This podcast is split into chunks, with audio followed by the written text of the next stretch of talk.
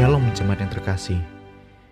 Pada hari ini saya Guru Injil Stephen akan menyampaikan renungan seorang murid kepada jemaat yang terkasih. Mari kita berdoa, kita menyiapkan setiap hati dan pikiran kita. Bapa dalam surga kami bersyukur Tuhan untuk hari yang indah yang Tuhan beri pada setiap kami. Untuk kasih setia Tuhan yang selalu nyata bagi setiap kami. Sehingga pada hari ini Tuhan kami boleh kembali lagi belajar mendengarkan kebenaran firman Tuhan. Kiranya setiap firman Tuhan yang kami dengar, yang kami baca, yang kami renungkan, boleh kami lakukan di dalam setiap kehidupan kami pribadi lepas pribadi. Pimpin setiap kami ya Tuhan. Di dalam nama Yesus Kristus kami berdoa dan bersyukur. Haleluya. Amin. Jemaat yang terkasih, pembacaan kita terambil dari bahan Gemah dan kita sampai kepada Lukas pasal 4 ayat 14 sampai 30. Saya akan bacakan beberapa ayat saja. Demikian firman Tuhan. Ayat 16, ia datang ke Nazaret tempat ia dibesarkan dan menurut kebiasaannya pada hari sabat ia masuk ke rumah ibadat lalu berdiri hendak membaca dari Alkitab. Ayat 20, kemudian ia menutup kitab itu memberikannya kembali kepada pejabat lalu duduk dan mata semua orang dalam rumah ibadat itu tertuju kepadanya. Lalu ia mulai mengajar mereka katanya pada hari ini genaplah nas sewaktu kamu mendengarnya dan semua orang itu membenarkan dia dan mereka heran akan kata-kata yang indah yang diucapkannya. Lalu kata mereka, Bukankah ia ini anak Yusuf? Maka berkatalah ia kepada mereka, Tentu kamu akan mengatakan pepatah ini kepadaku, Hai tabib, sembuhkanlah dirimu sendiri, perbuatlah di sini juga di tempat asalmu ini, segala yang kami dengar yang telah terjadi di Kapernaum. Dan katanya lagi, aku berkata kepadamu, sesungguhnya tidak ada nabi yang dihargai di tempat asalnya. Dan aku berkata kepadamu dan kataku ini benar, pada zaman Elia terdapat banyak perempuan janda di Israel, ketika langit tertutup selama tiga tahun dan enam bulan, dan ketika bahaya kelaparan yang hebat menimpa seluruh negeri. Tetapi Elia diutus bukan kepada salah seorang dari mereka, melainkan kepada seorang perempuan janda di Sarfat di tanah Sidon. Ayat 28 Mendengar itu sangat marahlah semua orang yang di rumah ibadat itu. Mereka bangun lalu menghalau Yesus keluar kota dan membawa dia ke tebing gunung tempat kota itu terletak untuk melemparkan dia dari tebing itu. Tetapi ia berjalan lewat dari tengah-tengah mereka, lalu pergi. Demikianlah pembacaan nats firman Tuhan kita pada hari ini. Jemaat yang terkasih, penggalan narasi yang kita baca dan kita dengar hari ini merupakan narasi penolakan Tuhan Yesus di kota kelahirannya sendiri, yaitu di Nazaret. Tuhan Yesus kembali ke kotanya, dan pada hari Sabat Yesus datang ke rumah ibadat untuk membaca Alkitab. Yesus menyampaikan bahwa Allah begitu mengasihi dan memperhatikan bangsa lain, termasuk bangsa kafir yang tidak menyembah Allah Israel. Pesan firman Tuhan tersebut membuat marah semua orang ibadat. Bahkan mereka berencana untuk melempar Tuhan Yesus dari tebing tersebut. Dari pengalaman narasi tersebut, jemaat yang terkasih, ada beberapa hal yang dapat kita pelajari bersama-sama. Yang pertama, menerima firman hanya berdasarkan apa yang kita dengarkan adalah salah. Kita melihat di ayat 22 ada penggalan kalimat dikatakan mereka heran akan kata-kata yang indah yang diucapkannya, diucapkan oleh Tuhan Yesus. Garis bawahi kata-kata indah ini jemaat yang terkasih. Kenapa? Karena mereka orang-orang yang datang beribadat pada saat itu, mereka hanya mau menerima yang indah-indah saja yang hanya mereka ingin dengar saja. Ketika firman Tuhan tersebut disampaikan dengan kata-kata indah, mereka menyukainya.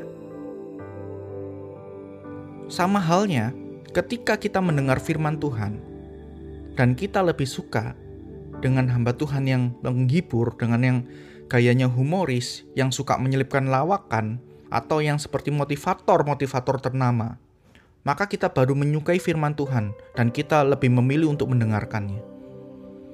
Hal tersebut nampak sekilas tidak ada masalah, jemaat yang terkasih. Namun akan menjadi masalah jika kita mau menerima firman Tuhan hanya berdasarkan keinginan kita saja, dan kita tidak mau menerima firman Tuhan yang menegur dosa-dosa dan pelanggaran kita. Seperti orang-orang yang ada di sinagoge tersebut, di rumah ibadat tersebut, mereka hanya menerima ketika firman Tuhan disampaikan dengan kata-kata indah, dengan teknik yang begitu indah, yang menyenangkan hati mereka. Tetapi begitu Tuhan Yesus menyampaikan kebenaran firman Tuhan yang menusuk hati mereka, maka mereka menolaknya. Tidak hanya menolak, mereka menjadi marah serta ingin membunuh Tuhan Yesus. Cuman yang terkasih, adakah kita pada hari ini kedapatan hal yang serupa? Kita hanya mau mendengarkan firman yang baik-baik saja, yang indah-indah saja, yang hanya janji-janji Tuhan saja yang baik-baik saja. Tapi begitu ada hamba Tuhan yang berkhotbah berbicara mengenai dosa, pelanggaran, hukuman, lalu kita menjadi marah dan kita tidak mau mendengar khotbah. Maka segeralah kita berevaluasi, segeralah kita bertobat di hadapan Tuhan, karena itu adalah dosa di hadapan Tuhan. Kita memilih-milih firman Tuhan berdasarkan apa yang kita ingin dengar saja. Yang kedua, jemaat yang terkasih, apa yang bisa kita pelajari? Keaktifan kita beribadah tidak menjamin kita bisa menerima firman kebenaran dengan baik. Mereka yang beribadah di sinagoge adalah orang-orang yang taat beribadah, orang-orang yang taat berdoa, mungkin orang-orang yang taat membaca Alkitab. Mungkin ada sebagian juga di antara mereka yang tadi juga disebut di ayat 20 adalah mereka sebagai pejabat di rumah ibadat. Mereka adalah seorang yang aktif, yang rajin beribadah juga. Akan tetapi jika dilihat dari respon mereka terhadap kebenaran yang Tuhan Yesus sampaikan tadi, maka kita melihat aktif tidaknya seseorang tidak menjamin seorang itu dapat menerima kebenaran firman Tuhan. Saya tidak mengatakan aktif dalam hal ini adalah sesuatu yang tidak perlu. Tidak, bukan demikian. Tetapi rutinitas ibadah kita jika hanya didasarkan kepada suatu kebanggaan saja, suatu pride saja nilai diri atau hanya kebutuhan untuk eksis aja di dalam rumah ibadah tanpa adanya relasi dengan Tuhan itu sendiri. Maka sebenarnya kita hanya ingin show off menunjukkan diri kita supaya kita ini dianggap seorang yang eksis atau paling rohani. Dan dengan demikian, pasti firman Tuhan tidak akan pernah bertumbuh di dalam setiap kehidupan hati kita. Karena kita merasa bahwa diri kita adalah orang yang paling benar, sudah menjalankan kewajiban beribadah, sudah taat melakukan berbagai macam hal-hal yang berkaitan dengan kerohanian.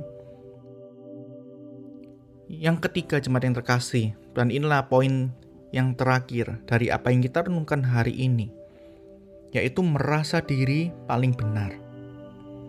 Bahkan merasa diri paling benar dibandingkan dengan firman itu sendiri.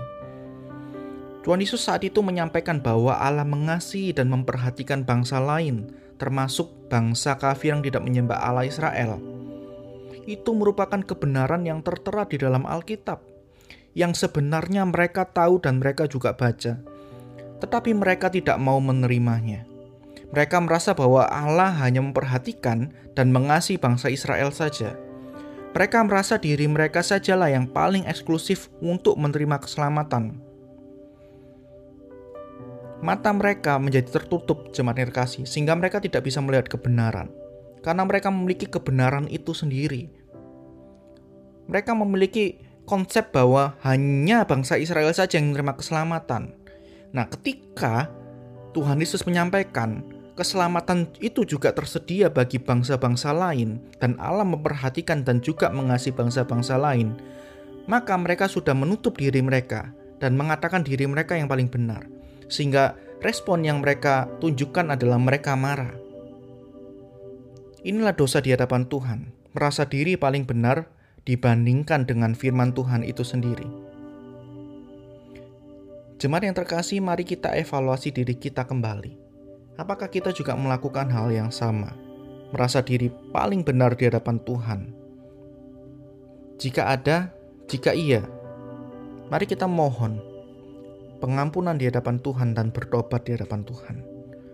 Biarlah firman Tuhan pada hari ini menjadi perenungan bagi kita, sehingga kita dapat lakukan dalam setiap kehidupan kita pribadi lepas pribadi, Kita tidak lagi memilih-milih firman Tuhan yang ingin kita dengar. Kita tidak lagi hanya sekedar eksis di gereja untuk dianggap sebagai orang yang paling rohani. Dan kita tidak merasa diri paling benar. Mari kita berdoa. Bapa dalam surga kami bersyukur Tuhan sudah menyatakan kebenaran pada setiap kami melalui renungkan pada hari ini Tuhan. Kini Tuhan menolong setiap kami untuk semakin diubahkan, untuk semakin menghidupi setiap firman Tuhan yang sudah kami dengar. Sehingga setiap kami Tuhan tidak menyia-nyiakan apa yang menjadi kebenaran itu di dalam setiap kehidupan kami. Sehingga setiap kami tidak menjadi sama seperti orang-orang yang ada di dalam rumah ibadat pada saat itu Tuhan. Tolong setiap kami, ingatkan setiap kami Tuhan untuk menjadi pribadi yang semakin mengasihi Tuhan saja. Di dalam nama Tuhan Yesus Kristus kami bersyukur dan berdoa. Haleluya. Amin. Tuhan Yesus memberkati kita semua selamat beraktivitas.